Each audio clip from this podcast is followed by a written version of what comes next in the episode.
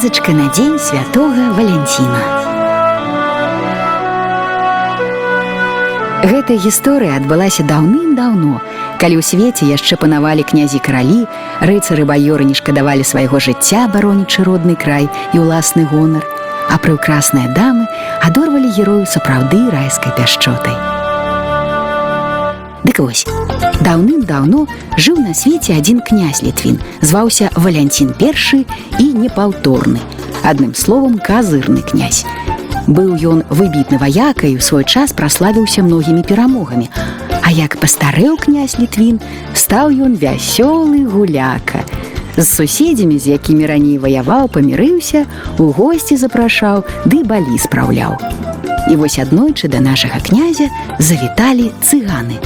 А для цыганы вядома, дзе фэст, там і я ест. Зайгралі, заспявалі, затанчылі цыганы, як след усіх развесялілі. А тады адна сімпатычная цыганка да князя падлабунілася. Пазалаці ручку, саколік, наваражу, усю праўду скажу. Пазалаціў князь шчодры і чакае свайго лёсу.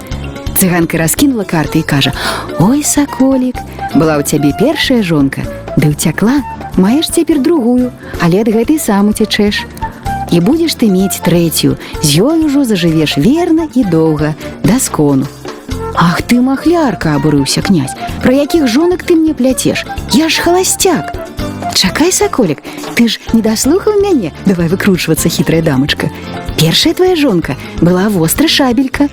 Засталася ў маладосці вайсковая слава твоя другая твоя жана хмельная чарка з ёй ты цяпер сябруеш але хутка сам кінеш яе.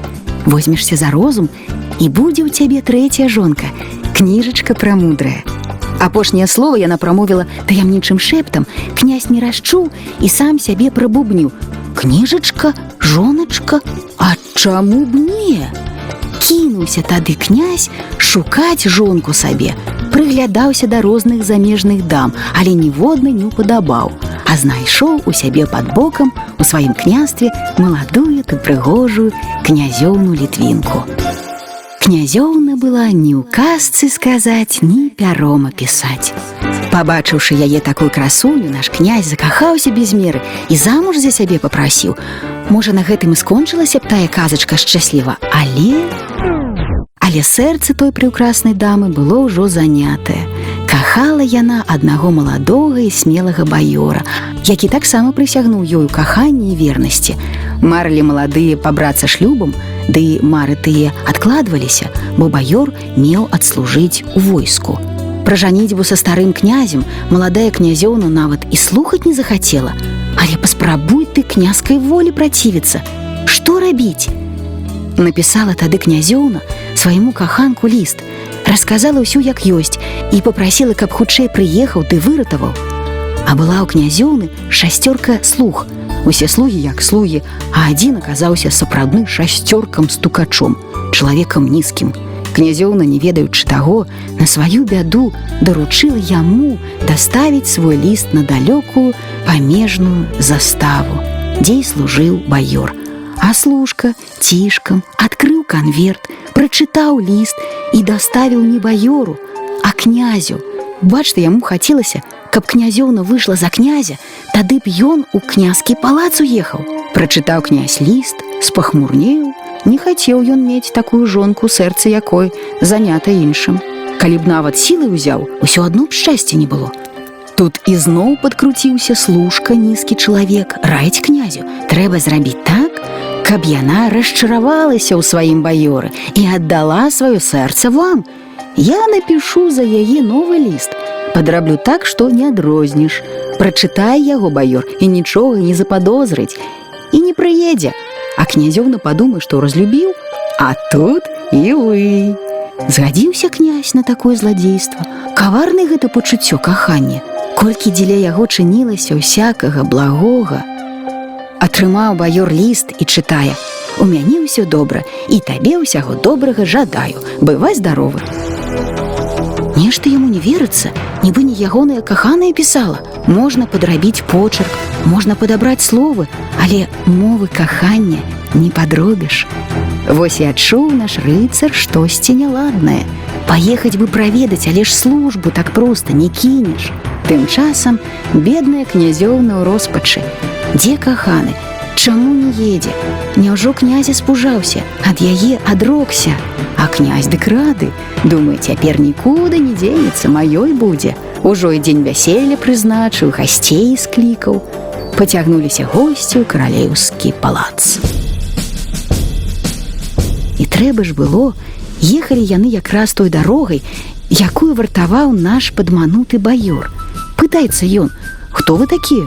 Куды едзеце? Я князь, закону крыжацкага са сваім дваром, А я князь закону турэцкага са сваім дваром. Я князь закону цыганскага са сваім табарам. Едзем да князю закону літвінскага на вяселле. Прапусціў рыцар высокіх гасцей, толькі адну дамачку цыганку запыніў на хвіліну. Расказаў ёй пра сваё каханне, пра ліст падазроны і попрасіў паваражыць. Перанялася цыганка рыцарскай журбою, але варажыць не стала. Ой саколік, калі маеш праўдзівае каханне, не глядзі, як карта ляжа. Слухай, што сэрца скажа.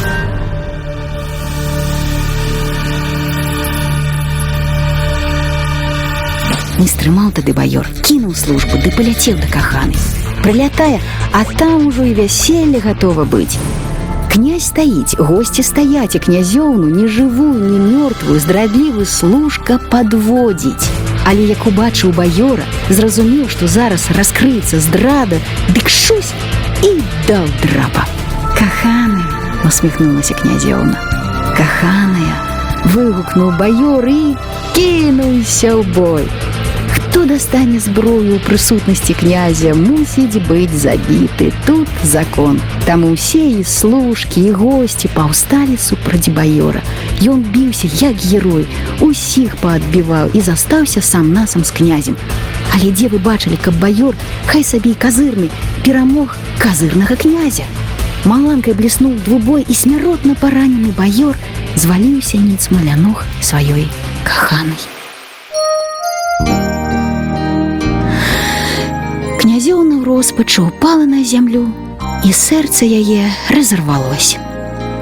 Тым часам пад'ехалі цыганы, мелася ж быць гулянка.